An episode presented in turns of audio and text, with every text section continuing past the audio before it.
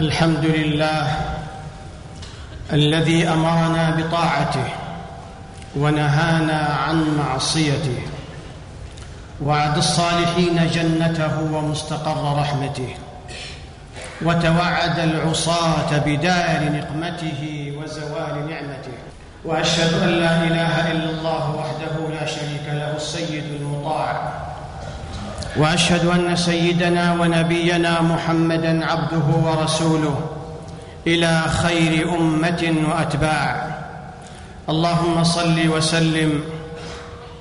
اللهم صل وسلم على سيدنا ونبينا محمد النبي المختار وعلى آله وصحابته وأتباعه الأبرار. أما بعد فاتقوا الله حق التقوى وراقبوه في السر والنجوى. قال الله تعالى يا أيها الذين آمنوا اتقوا الله حق تقاته ولا تموتن إلا وأنتم مسلمون. وفدت هذه الجموع إلى هذه البقاع الطاهرة تلبية لدعوة إبراهيم عليه السلام منذ آلاف الأعوام إلى أن يرث الله الأرض ومن عليها. ملبين ضارعين مكبرين مهللين. بنظرة واحدة إلى هذه الجموع المؤمنة والحجيج الخشع المتجمعين من كل حدب وصوب تتجلى حقيقة أن هذه الأمة مهما بلغ الكيد لها والمكر بها فإنها أمة خالدة. بخلود رسالتها وكتابها. باقية ما بقي الليل والنهار. هي أفضل الأمم بأعمالها ومبادئها وإيمانها بتراحمها وعدالتها. إن الوافد إلى بيت الله قد تكفل الله بحفظه وسلامته. قال صلى الله عليه وسلم ثلاث في ضمان الله رجل خرج إلى مسجد من مساجد الله ورجل خرج غازيا في سبيل الله ورجل خرج حاجا. أخي الحاج إن لك بكل خطوة تخطوها اجرا لا يجليه إلا قول المصطفى صلى الله عليه وسلم ما ترفع إبل الحاج رجلا ولا تضع يدا إلا كتب الله تعالى بها حسنة أو محى عنه سيئة أو رفعه بها درجة أخرجه البيهقي. وحين تنطق بنداء التوحيد لبيك اللهم لبيك فإن الكون كله معك يردد توحيد الخالق ويسبح بحمده تلبي الأحجار ويهتف المدر والأشجار. قال صلى الله عليه وسلم ما من مسلم يلبي إلا لبى من عن يمينه أو عن شماله من حجر أو شجر أو مدر حتى تنقطع الأرض من ها هنا وها هنا. أخرجه الترمذي هذا جزاء عاجل فكيف بالآجل؟ إذا سمع الحاج حديث رسول الله صلى الله عليه وسلم الذي أخرجه البخاري ومسلم الحج المبرور ليس له جزاء إلا الجنة تشتاق نفسه لهذا الأجر الجزيل والفضل العظيم فيتساءل كيف يحقق الحج المبرور؟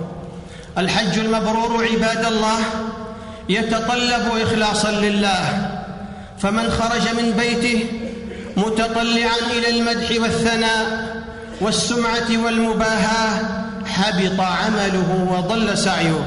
قال الله تعالى في الحديث القدسي من عمل عملا أشرك فيه معي غيري تركته وشركه. رواه مسلم. وكان صلى الله عليه وسلم يحذر من ضد ذلك فيدعو مستعينا بربه قائلا اللهم حجة لا رياء فيها ولا سمعة. أخرجه ابن ماجه من حديث أنس بن مالك رضي الله عنه.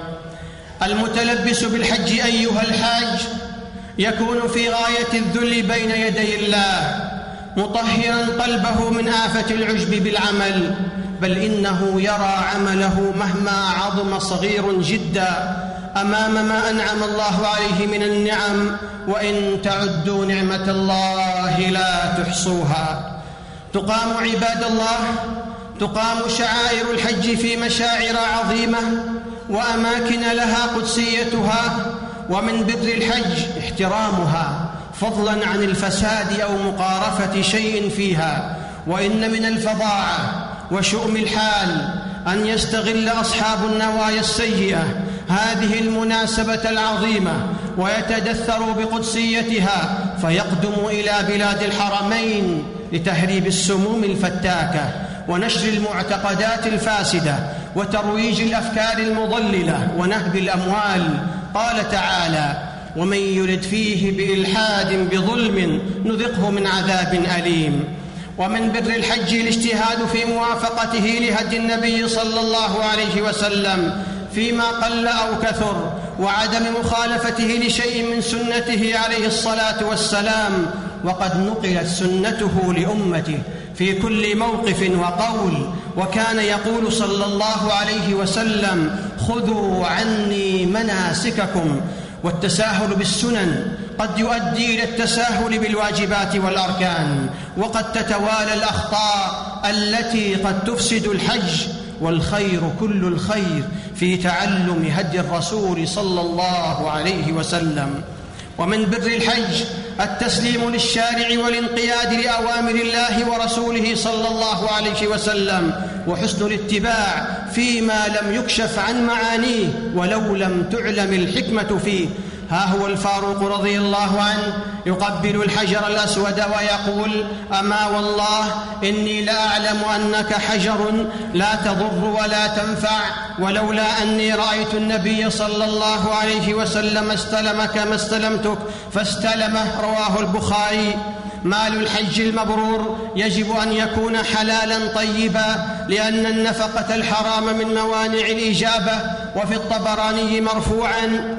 إذا خرج الرجل حاجا بنفقة طيبة ووضع رجله في الغرز فنادى لبيك اللهم لبيك ناداه مناد من السماء لبيك وسعديك زادك حلال وراحلتك حلال وحجك مبرور وإذا خرج بالنفقة الخبيثة فوضع رجله في الغرز فنادى لبيك ناداه مناد من السماء لا لبيك ولا سعديك زادك حرام ونفقتك حرام وحجك غير مبرور أيام الحج المبرور تحيا بذكر الله وتضاء بتلاوة آيات من القرآن وتطهر بالاستغفار وبذل المعروف والدعوة إلى الله عز وجل. قال صلى الله عليه وسلم الغازي في سبيل الله والحاج والمعتمر وفد الله دعاهم فأجابوه وسألوه فأعطاهم رواه ابن ماجه. وسئل رسول الله صلى الله عليه وسلم عن الحج المبرور فقال إطعام الطعام وإفساء السلام. ملء الاوقات بالطاعات تحصن الحج من الآفات المهلكة ولصوص الحسنات وتزيد الحج برا فالأيام فاضلة وتلك البقاع مفضلة وفيها تتضاعف الأجور. وقد كان سلفنا الصالح إذا تلبسوا بهذه العبادة عطروا أوقاتها بذكر وتسبيح وتهليل وتحميد.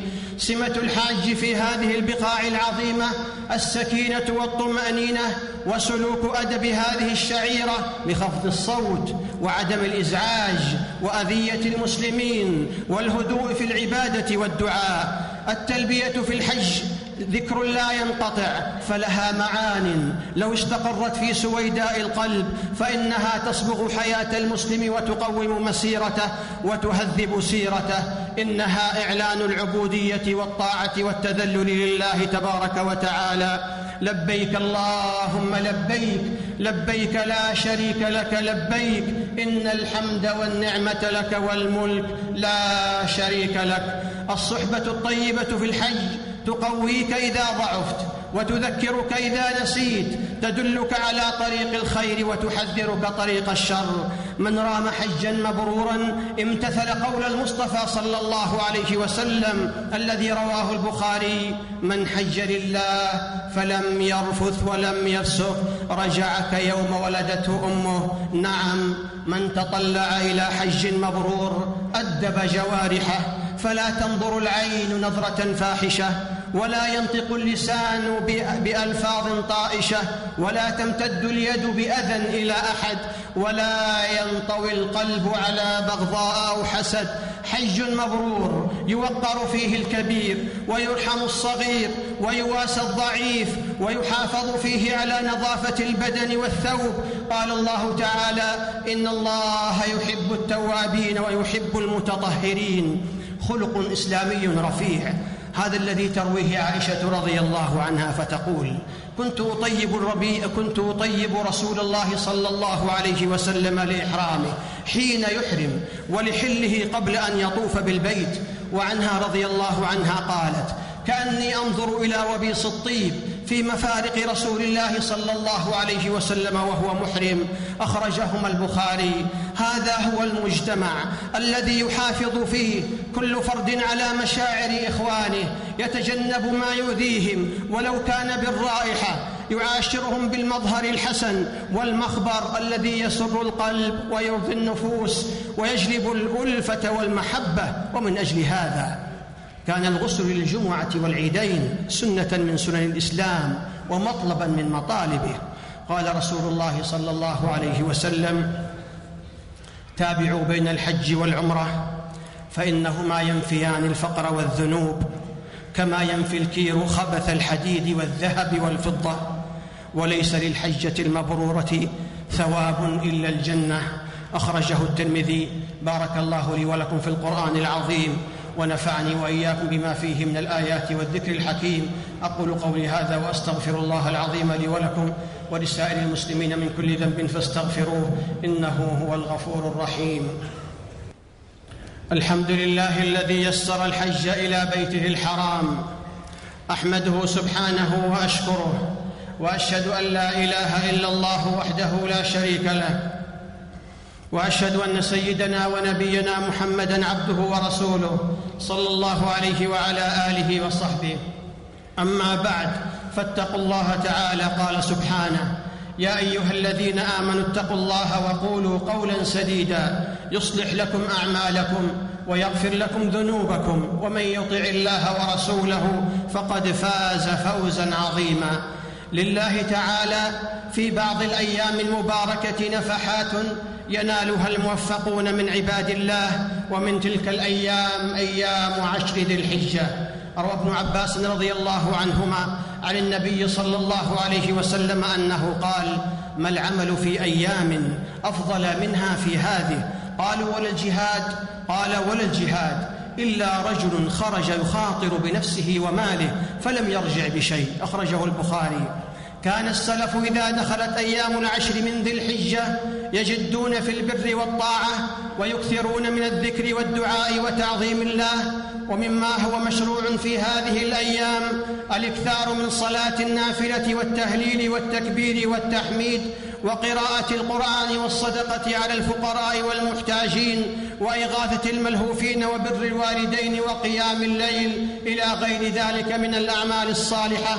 صوم غير الحاج ما تيسر له من أيام العشر خاصة صيام يوم عرفة لما في صحيح مسلم عن رسول الله صلى الله عليه وسلم أنه قال أحتسب على الله أن يكفر السنة التي قبله والسنة التي بعده ومما يشرع تكبير الله تعالى وتعظيمه في جميع الأوقات من ليل أو نهار ومما يشرع إعداد الأضحية. قال صلى الله عليه وسلم إذا رأيتم هلال ذي الحجة وأراد أحدكم أن يضحي فليمسك عن شعره وأظفاره.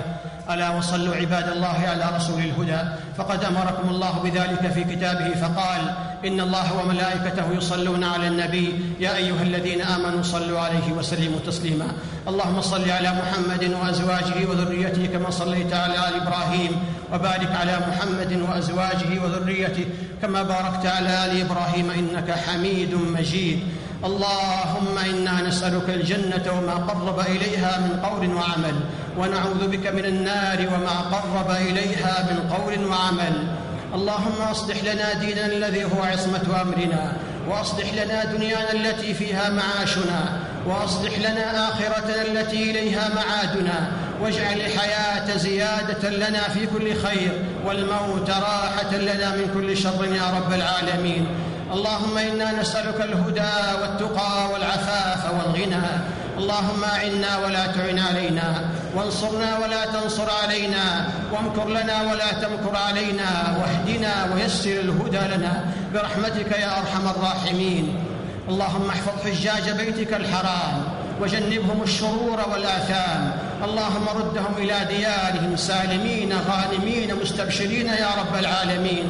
اللهم اجعله حجا مبرورا وسعيا مشكورا وذنبا مغفورا وعملا صالحا متقبلا مبرورا يا رب العالمين.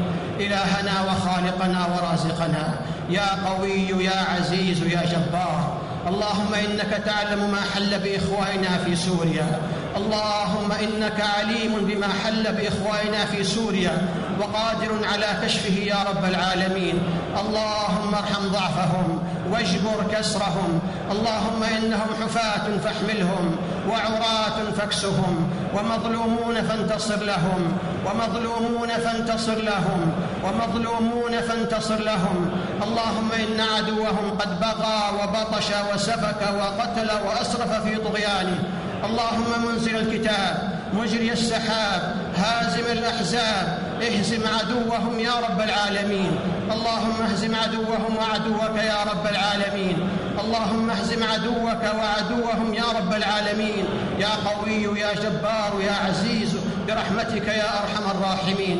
اللهم وفق امامنا لما تحب وترضى وخذ بناصيته للبر والتقوى. اللهم وفقه لهداك واجعل عمله في رضاك يا رب العالمين.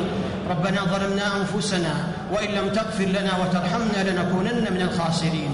ربنا اغفر لنا ولاخواننا الذين سبقونا بالإيمان. ولا تجعل في قلوبنا غلا للذين آمنوا. ربنا إنك رؤوف رحيم. ربنا آتنا في الدنيا حسنة وفي الآخرة حسنة وقنا عذاب النار. إن الله يأمر بالعدل والإحسان وإيتاء ذي القربى وينهى عن الفحشاء والمنكر والبغي يعظكم لعلكم تذكرون. فاذكروا الله يذكركم واشكروه على نعمه يزدكم ولذكر الله أكبر والله يعلم ما تصنعون.